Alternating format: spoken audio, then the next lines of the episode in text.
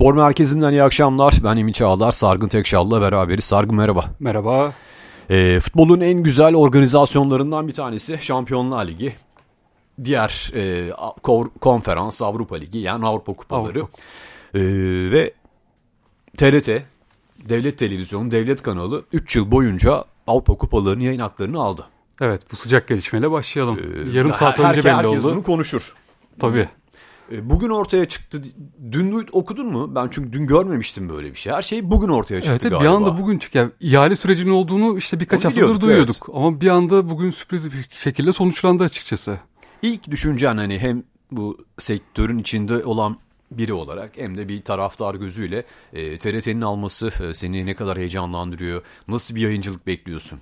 Öncelikle şunu bir parantezi açalım. Daha detayı açıklanmadı TRT tarafından ancak şöyle açıklandı. Dijital platformumuz tabii tarafından yayınlanacaktır diyor TRT'den. Yani bildiğimiz o karasal yayınlardan, dijital kutulardan sanki TRT 1'i açıp veya TRT Spor açıp izleyemeyeceğiz. Şunu anladım. Onun daha detayını çünkü daha TRT paylaşmadı.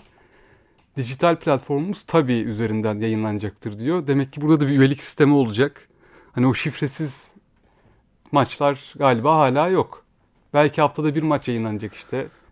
Her, her hafta haftada iki salı çarşamba ve perşembe üç maç şifresiz olacak ama bütün maçların şifresiz olacağına dair bir dönüş almadım ben açıklamadan. Herhangi bir detay da yok henüz. TRT'den yapılan açıklamayı şimdi e, paylaşayım. E, Türk takımlarının maçları şifresiz olarak TRT1 ve ha, TRT Spor'da izleyicilerle buluşacak. buluşacak.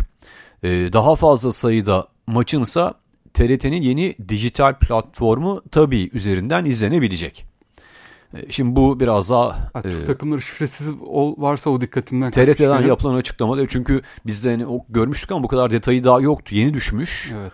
E, bakıyorum farklı bir şey e, ee, TRT deneyimli ekipleriyle teknolojinin son imkanlarını kullanarak futbol severlere unutulmaz yayın, dene, yayın deneyimi sunacak. Yorumcuların katılımıyla gerçekleşecek maç öncesi maç sonrası yayınlar TRT'nin farkını ortaya koyacak. İzleyicilere maçlar hakkında detaylı analizler, keyifli sohbetler sunacak. E, zengin içerikler, dolu yayınlar diyor. E, ee, TRT Genel Müdürü Zahit Sobacı'nın e, açıklaması var. 3 sezon boyunca tek yayıncı olduk. TRT tarihinde bir ilki yaşamaktan, yaşatmaktan memnuniyet duyuyoruz. Türkiye'nin kamu yayıncısı olarak e, gurur vesilesi. Ya tabii burada işin maliyeti de konuşuluyor. 3 sezon için 100 milyon eurodan bahsediliyor. Bu TRT bunu kâra dönüştürebilecek mi? Sonuçta bir kamu kaynağı burada kullanılıyor dijital üyelikler ne kadar artacak ona da bakmak lazım. Çünkü eski yayıncı özel bir kuruluştu. Herhalde hesaplanmışlar. 100 milyon euro konuşuluyor. O da ciddi bir rakam. Bu açıklamada yok bu arada. 100 milyon euro ile çıktığı maliyetin iddia ediliyor. Evet açıklamada Belki... herhangi bir rakam yok. Ee, son son şeyi okuyayım Zahid e, Sargun kusura bakma. Birbirinden heyecan verici mücadeleler sadece televizyon ekranlarıyla sınırlı kalmayacak. TRT1 ve TRT Spor'un yanı sıra daha fazla sayıda maç sadece tabii üzerinden mobil cihazlardan, bilgisayarlardan, akıllı televizyonlardan da izlenebilecek. Ee, bu kadar. tamam. Son tabloyu çizecek olursak Türk takımların maçları televizyonlarda olacak TRT'nin şifresiz kanalında. Diğer maçlar dijitalde tabii uygulamasında futbol severler takip edebilecek gelecek üst sezon Avrupa kupalarını. Evet. Hayırlısı olsun. Avrupa kupaları herhalde bir 30 yıl sonra mı dönüyor şifresiz o zaman? Ee, Star, Star ilk aldığında değil mi? Evet. Yani, gerçi o zaman şifreli, şifresizdi de 2010 bir, bir Sports'a geçene kadar şifresizdi gerçi. Yani özel kuruma geçişi şey 96-95 olması lazım. Ee, şöyle bir hatırlamaya ya çalışıyorum. O, yıllarda... o şekildeydi doğru. Galatasaray'ın evet. ilk Şampiyonlar Ligi e, zamanına yola çıkarsak doğru söylüyorsun. Yani şifresiz olması güzel ama işte dediğim gibi o maliyet hesabı herhalde zaten yapılmıştır böyle bir rakam konuşuluyorsa. Bunu daha çok konuşacağız. Ee, bakalım nasıl bir... Süper Lig yayın ihalesi öncesinde de o... Bir mesaj mı? Taşlar yeniden yerine kurulacak gibi sanki. Yani çünkü eski kuruluş şimdi Şampiyonlar Ligi'ni kaybetti. Süper Lig'e mi yönelecek? Orada soru işaretleri oldu kafamda açıkçası. Çünkü Avrupa Kupalarını yayınlamak istiyordu şu anki kuruluş. Eksen kutusu ancak o şu an çekilmiş olduğu Avrupa Kupalarından gelecek üst sezon Süper Lig ihalesine herhalde yönelecekler onlar da bu gelişmeden sonra. Şimdi gözler Süper Lig yayın ihalesinde artık. Evet. E, orada da yani yine Kulüpler Birliği'nin e, bir Süper Lig AŞ kurma çabası, isteği, hedefi. E, Saran Grup girecek diye biliyorum. E, kararlılar. Evet. E, Bein Sports aynı şekilde e, işin içinde. E, geçen yıla oranla farklı bir e, yayın ihalesi süreci takip ediyor olacağız. Evet ilginç oldu. Sürpriz yani gerçekten bugün içinde gelişti ve sonuçlandı. E, çok, e, ülke bizi her şekilde test ediyor. Allah yani ilginç oldu. Ben şaşırdım. Çünkü ilk iddia olarak gördüm. Bir anda TRT yaklaşık bir yarım saat önce, 15 dakika önce ilk kısa bir açıklama yaptı. Şimdi detaylı açıklamayı sundular. E hatta e, Ali Emre e, odada e, birkaç konuşma yapmıştı. E, Yağız Sabuncuoğlu TRT vazgeçti denilmiş ona. O açıklamadan, o sohbetten bir 15 dakika sonra açıklama geliyor. Evet herhalde. Yani çok e, farklı dinamikler olmuş. İçeride bir sürprizler atmış bu gelişme yani anladığımız kadarıyla. Hayırlısı Neyse, olsun. Evet şifresiz gelecek 3 sezon Avrupa Kupalarını izleyebileceğiz Türk takımlarını. E, TRT burada ilk zaten şeyi e, provayı diyelim alışkınlar ama ilk provayı şampiyon e, Avrupa Şampiyonası ile yapacak. Evet gelecek yaz şifresiz onları izleyeceğiz zaten. Gelelim o zaman e, Süper Lig'e. E, dün Fenerbahçe Başakşehir deplasmanında e, 90'da Batshuayi'nin penaltı golüyle kazandı. Pozisyonlar çok vardı ama son zamanlardaki o bitiricilik, gole çevirememe dün de e, yaşandı. Hem Tadic, e, hem Ceko, Ceko Cengiz. İrfan, Cengiz, Şimanski özellikle. E, ama son haftaların golcüsü Batshuayi Fenerbahçe'yi tekrar kanatlandırdı Batman misali. Ki penaltı Fenerbahçe için kolay bir şey değil bu sezon. Şimdi penaltıdan attı Fenerbahçe ama son penaltılarda hep kriz yaşanıyordu. Bu takımın penaltıcısı kim? İşte Ceko kaçırıyor, Tadic kaçırıyor. Tadic birkaç kere kaçırdı hatta. Batshuayi belki de en soğukkanlı olması gereken yerde görevini yaptı. Temiz bir penaltı kullandı 90 artı 2, 90 artı 3 civarında. Orada da belki tartışmaları bir son nokta koydu. Ben sahadaysam penaltıcı benim dedi bence. E, zaten burada da konuşuyorduk hani e, ben sahada varsa penaltıcı Fred olmalı düşüncesindeyim. E, Fred yoksa Batshuayi, Batshuayi yoksa Bonucci ismini bile e, net bir şekilde söylemiştim. E, sonradan Ferdi'yi de ekleyebiliriz ama Ceko kullanabilir ama Tadic'in ilk penaltıcı olmaması gerektiğini bir kez daha hatırlatıyorum. Zaten vazgeçildi. Evet kendisi de bunu bayağı gösterdi. Burada penaltının ne kadar farklı bir olay olduğunu dün gördük. Batshuayi penaltıya kadar dün 2-3 son vuruşta hani böyle dağlara taşlara diye tabir edeceğimiz şekilde kaleye uzaktan topu yollayamadı asla ama penaltıda tertemiz bir ayak içi yaptı. Ee, İsmail Kartal'ın bu sefer o bütün eleştirileri herhalde dinlediği e, ya da zaten bizde vardı diyeceği çift forvete dönmesi, Ceko'yu bu sefer oyunda tutması Nasıl değerlendiriyorsun maçın o e, son 30 dakikasını? Ya hem, tabi bu arada şunu da hatırlatmak lazım. Başakşehir 10 kişi kaldı. Biraz da oradan biraz belki de bu kadar risk alabildik kolayca. Hem çift forvete döndü. Şimanski'yi sağda tuttu. Samsun Spor maçında çünkü herkesi çıkarmıştı. Dün de mesela ben Samsun Spor maçında o değişikliklerde en çok Emre Mor Şimanski değişikliğine bir anlam verememiştim. Hani ne artısına eksisine kafamda bir türlü çıkaramamıştım İsmail Hoca orada ne düşündü diye. Dün mesela Şimanski sağda kaldı. Evet çok etkili değildi o son bölümde ama mesela penaltıyı yapan pozisyonda e, o ele giden topta şut Şimanski'den geldi. O ceza sahasından deneyen bir oyuncuya ihtiyaç var işte görüyoruz. Batshuayi Ceko dönemisi gayet doğruydu. Ben orta saha tercihini merak ediyordum. İsmail yüksek ve yeni transfer Kurunç'e görev verdi mesela. Orada nasıl gidecek? Kim Fred yokken mesela Lincoln'u dener mi diye düşünüyordum açıkçası. Ama Fred'in şimdi, yerine. E... Ama Başakşehir'den dolayı belki de oldu. Başakşehir orta sahada güçlü bir takım. Hani orada da iki tane dayanıklı futbolcuyla çıkmak istemiş olabilir. Ya iç saha yani iç saha deplasmana göre farklı 11 tercih olabilir. Rakibe göre e, yani Lincoln denenebilir ayrı mesele. E, sen sen demiştin galiba ya da Ali Emre demişti. Orada ortada Ferdi'yi acaba oynatır mı diye. Hani şimdi solda Lincoln ya da Osterwolde sol beke geldiğinde e, Bonucci yanındaki tandem kim olursa artık Ferdi Joker olarak her yere çıkabiliyor. E, Ferdi İsmail orası da farklı olabilir ya da e, evet. e, Ferdi Kurunic. E, Kurunic anlamında. Onda ilerleyen Hiç maçlarda... denemedi ama onu. Sezon başından beri Fred ilk sakatlandığında cezalı olduğu süreçte de herhalde kafasında yok İsmail Hoca'nın o çözüm yani. Ferdi'yi sol bek olarak görüyor. Yani Ferdi Tadic ikilisini orada bozmak istemiyor bence. Do- doğru da hani bir alternatif olabilir e, sonuçta. Ben de Lincoln'un sahada olmasının şöyle, şöyle bir artı olduğunu düşünüyorum. Fenerbahçe'nin en büyük bence eksisi bu sezon duran toplar. Yani herhalde şampiyonda oynayan bir takım bu kadar duran toptan gol at, az gol attığı sezon yoktur. Şey, serbest vuruşlar, köşe vuruşları. Fenerbahçe'nin golü yok neredeyse. Lincoln mesela iyi bir duran top at- kullanıcısı. İlk geldiği sezonda sakatlanana kadar Frik, Avrupa'da serbest hazırlık maçlarında attı. vardı golleri. Korn- doğru. köşe, köşe vuruşlarında da gayet etkili kullanıyor. Fenerbahçe'nin bence buna çok çözüm bulması lazım. Dün işte Başakşehir maçı rakip ceza sahasında 71 kere topta buluştuğu sezon rekoru. Oralarda bir duran top işte hep açıyor. Mesela Galatasaray bu sezon gördük Abdülkerim çıktı arada sahneye. Yani hiç hatırlamıyorum ben mesela Fenerbahçe'nin şampiyon olduğu sezonlarda hep o duran top golleri Alex'in kullandığı tabii. Alex kullanıyordu mesela işte orada. Luciano'lar bitiriyordu. Lugano, işte Servet hep görüyorduk duran topta. Bir Fenerbahçe'nin her son 7-8 golü olurdu köşe vuruşlarından, serbest vuruşlardan. Bu sezon henüz bir yanılmıyorsam. Mesela orada, oraya da bir bence bu kritik süreçte çözüm üretilmeli. Çünkü maçlar artık hep son dakikalara kalmaya başladı. Yani orada bir duran top silahı net çıkarılmalı Fenerbahçe tarafından. Daha henüz bu konuda bir gelişme göremedik. Belki de bir duran top antrenörü getirilebilir. Haklısın. e, bunun düşünülmesi gerekiyor. Futbolda bayağı meşrulaştı. Yani son 5-6 senedir hep görüyoruz çoğu takım. İşte mesela Süper Lig'den benim bildiğim Galatasaray en son getirdi Almanya'dan geçen sezon.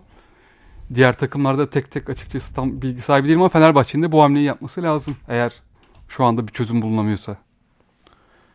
Günün e, saat 20'deki iki maçından bir tanesi Galatasaray ile İstanbulspor arasında. Şimdi Fenerbahçe kazandı. E, 52 yaptı, 57 yaptı puanını. Galatasaray'ı e, göreceğiz. İlk 11'ler belli oldu. Hemen bir 11'leri bir kez daha hatırlatayım. E, bilmeyen izleyicilerimiz, dinleyicilerimiz için. Galatasaray Muslera ile başlıyor. E, Barış Alper, Sabek, Kaan Solbek, e, Davinson Sanchez, Nelson ikilisi. Önlerinde Torreira, Kerem Demirbay. Üçlü bir orta saha Aktürkoğlu, Mertens, Tete. Hücum hattında Zaha. Evet ilginç tercihler var yine mesela Barış Alper bu sefer de sağ bek olarak karşımızda. Veya Ee, Saşa Boy'un ağrılarını e, ağrısı ağrı hissettiği için e, kadrodan çıkarıldığını söyleyelim. E, tek değişiklik o. gerçi E, orada Kaan Ayhan'ı da sağ bek olarak gör, kullanabilir artık sağda göreceğiz. Kaan Ayhan son Trabzonspor maçında sol bekte başarılı bir performans sergiledi ama o Kaan'la Barış Alper'i artık nasıl koyacak göreceğiz. Onun dışında Zaha yine en uçta. Demek ki Icardi daha hazır değil. Icardi oynarken de hazır değildi. Ama burada e, şimdi ben kendi adıma Okan Buruk'u eleştirmiştim. E, Icardi üzerinde e, otoritesi yok diye geldi demiyorum ama e, burada nedir? E, formu olan, morali olan e, bir ismi devam ettiriyor. E, bu en büyük kazanma yöntemidir. Hani nasıl Batshuayi'ye 10 dakika oynatıp verim alamıyorsan Zaha'yı da solda oynatıp verim alamamak aynı şeydir. Şimdi Zaha e, tek forvet olarak Galatasaray'ın şu anda en golcü ismi olarak gözüküyor sahada. E, bakalım bu böyle devam edecek mi? Ok- Okan Buruk'un elini güçlendiriyor. Çift forvet, tek forvet, üçlü her şeyi e, deneyebilir. E, İstanbulspor Kayseri maçını uzatmalarda kazandı. Osman Zeki Korkmaz'la ilk maç galibiyet. 10 puandalar. E, bu akşam hani kupa haftasında da beraberdik radyoda. Ümraniye Hı hı. bir sürpriz yapar mı diye. İstanbulspor'un son maçını kazanması, teknik direktör değişikliği. Bu akşam nasıl bir direnç bekliyorsun İstanbulspor cephesinden? Ya açıkçası çok bir direnç beklemiyorum. Ya Galatasaray'ın bir şekilde 3 puana ulaşmasını tahmin edebiliyorum. Ben şunu çok merak ediyorum bu akşam. Mesela Zaha Trabzonspor maçında en uçta beğenildi ama Zaha geldiğinden beri hep benim kafamda şu vardı. Zaten açık alanları buldu mu gol bulabiliyor Zaha. E, Şimdi kapanan Trabzonspor'da takımlara karşı diyorsun. Evet mesela şimdi kapanan takıma karşı o en uçta ne yapacak? Eğer bugün de başarılı olursa bir 9 numara yani adayı olacaktır bence Okan Buruk tarafından sürekli kullanabileceği. Ama bugün o sıkıntıları yaşarsa yine artık şunu iyice anlayacağız ki Zaha açık alan buldu mu en uçta oynayabilir veya kanatlarda oynayabilir. Trabzonspor çünkü buna biraz olanak verdi. Arkada alanlar bıraktı Zaha'ya. Onun dışında Okan Buruk orta sahadaki ikilisini galiba artık buldu. Sezon başından beri bulamamıştı 8 numarasını. Torreira'nın Torreira, yanında. Kerem Demirbay. Evet artık Kerem orayı alıyor gibi. Hatta Mertens de önlerinde o üçlüsünü buldu gibi söyleyebiliriz. Şimdi tam e, o üçü de e, hani Avrupa patentli oyuncular. her anlamda e, oyun zekası, oyun görüşü, takım yönlendirme, e, hücum, savunma anlayışı, takım arkadaşlarına yönlendirme, liderlik hepsi var bu üç isimde de. E, Kerem'in form tutması Okan Buruk'un en büyük artısı oldu. Herkes yerinde oynatabiliyor şu anda. E, Kerem oynayamadığı için orada he, herkes denemişti. E, Trabzonspor maçında attığı paslar çok iyiydi. Evet. Hani o Leverkusen günlerindeki Kerem'i görmüştük. E, bugün de iç sahada böyle bir anahtar var elinde. E, evinde son 27 maçını kaybetmeyen bir Galatasaray. Yani İstanbulspor'un yine çok net bir savunmayla o kontraları değerlendirmesi gerekiyor. Başka şekilde hayatta kalamaz Rams Park'ta ama çok bir sürpriz beklemiyorum açıkçası bu akşam. Yani Galatasaray bir şekilde o galibiyete ulaşacak havası var. Abdülkerim'le oynamadığı e, bir yani hem sakatlı ve cezalı e, olduğu maçta e, Galatasaray bir anda iki tane formda savunmacıya da sahip oluyor. Davinson Sanchez, Victor Nelson. Yani şu anda geçen hafta konuşulmuştu ya psikolojik üstünlük Galatasaray'da gizli lider ifadeleri kullanılıyordu. Baktığında şu anda sahada herkes çok moralli. Bu iki isim de onun kanıtı. Evet kesinlikle öyle. Nelson da çok iyi toparladı bence. Sezon başından beri hayalet gibiydi her forma şansı bulduğunda ama son 4-5 maçtır hiç sırıtmıyor. Davinson Sanchez'i aratmadı yani mesela o sakatlığı boyunca. Tabii Abdülkerim yokken ilk kez neredeyse yan yana oynayacak bu ikili yanlış hatırlamıyorsam sezon Onu düşündüm beri. evet e, var mı diye aklıma gelmiyor. Ya Abdülkerim hep oynadı zaten. Herhalde bir iki de göreceğiz bu akşam. Onun dışında Galatasaray'da transfer konusunda da dün Erden Timur açıklamalarda bulunmuştu. O sol bek konusu hala çözüme kavuşmadı. Anelino gidecek mi, kalacak mı? Orada hala bir soru işareti var. Anelino çünkü sözleşmesi feshedilmedi hala. Kiralık sözleşmesi. Ee, kimseyi, istedikleri kimseyi e, alamazsa kalabilir. Ayrı mesele ama ben e, Rıdvan çok istiyorlar. Rıdvan dışında e, Karagümrük'ten Levent Mercan sol bek olarak Karagümrük kaptanı e, mil takımı geniş havuzuna kadar e, Pirlo'nun o e, olduğu günlerde yükselmişti. Onun da ismi geçiyor. E, tabii ki bir Türk oyuncudan yana kullanabilirlerse çok avantajlı olacak. Evet Okan Buruk orada sürekli yeni isimler buluyor. Kaan Ayhan, Barış Alper. Bu sezon belki de böyle devam edebilirdi. Hiç tahmin etmiyorum ama olabilir. Ya Rıdvan olmazsa eğer. Rıdvan da Rangers'ta gol attı geçen gün. O da bir anda Rangers'ı ısınacak mı acaba? Çağlar da kadroya girmeye evet. oynayamıyor yine ama e, Simeone onu son anda kadroya aldı. Hani o transferin daha açıklanmadığını e, söyleyelim. Bugün ilginç bir gelişme oldu. Hani bugün sürprizler günü. E, daha detayını bilmediğimiz için tabii. Nikola Anelka Türkiye'ye geri döndü ama Ümraniye Spor'un CEO'su olarak. Evet o da günün inanmakta zorlandığımız haberlerinden biri daha. Ben görünce Ümraniye Spor'da ne işi var acaba dedim. Biraz araştırdım açıkçası. Çok bilen de yok, hakim olan yok. Futbol camiasında henüz. Hani Anelka niye Ümraniye Spor CEO'su oldu? Anelka'nın da önceden böyle bir futbol yöneticiliği kariyeri yok. Anelka için de bir ilk olacak. TFF birincilikten buna başlıyor. Ya kulüpten bir hisse alma durumu da var mı öğrenemedim onu da henüz. Bilmiyorum sen duydun mu hiç ama. Yok ben hani e, bugün geldim. E, zaten gün içinde görmüştüm şaşırdım. De, detaylandıramadım. Bakalım bugün yarın e, bir şeyler öğrenmeye çalışırız ama hani e, TRT'nin şampiyon Avrupa kupaları kadar sürpriz bir haber onu da söyleyeyim. Evet evet güne Anelka sürpriziyle başladık 18 sene sonra Türkiye'ye dönüyor. E, Anelka Fenerbahçe günleri e, yani herkesin aklında golcülere dair böyle kareler, fotoğraflar, maçlar, goller olur ya benim aklımda o zaman İnönü e, de attığı e, evet o sağ kanattan sağ kanattan gelip herkesi yıka yıka geçtiği ve e, topa çok iyi vurduğu gol attığı Türk, pozisyon geliyor. Türkiye kariyerindeki en Anelka anı oydu herhalde Nikola Anelka'nın. Yani o bildiğimiz Fransa milli takımındaki Anelka'yı o 10-15 saniyede izledik. Ya Anelka mesela Fenerbahçe'ye şu an sportif direktör CEO olarak gelse daha çok anlamlandırır, anlamlandırırdım yani. Ya kesinlikle. Hani mesela uluslararası bağlantını kullanacaktır transferde Anelka'nın diye düşünebilirdik ama Ümraniye Spor'da hani neyi kullanacak bilmiyorum açıkçası. Herhalde yatırım amaçlı gibi bana geliyor. Daha bakalım öğreneceğiz. İlerleyen günlerde belli olur. Ama yani Anelka'yı bu projeye nasıl ikna ettiler dediğimiz gibi e, öğrenilecek her şey daha e, açık olacak sonraki günlerde. Süremizi de dolduruyoruz. Bu akşam da e, Fenerbahçe Beko'nun Virtus Bologna maçı var onu da söyleyelim. Basketbol İlk 4 yarışında adına. kritik bir mücadele. Evet noktalıyoruz. İyi akşamlar. Hoşçakalın.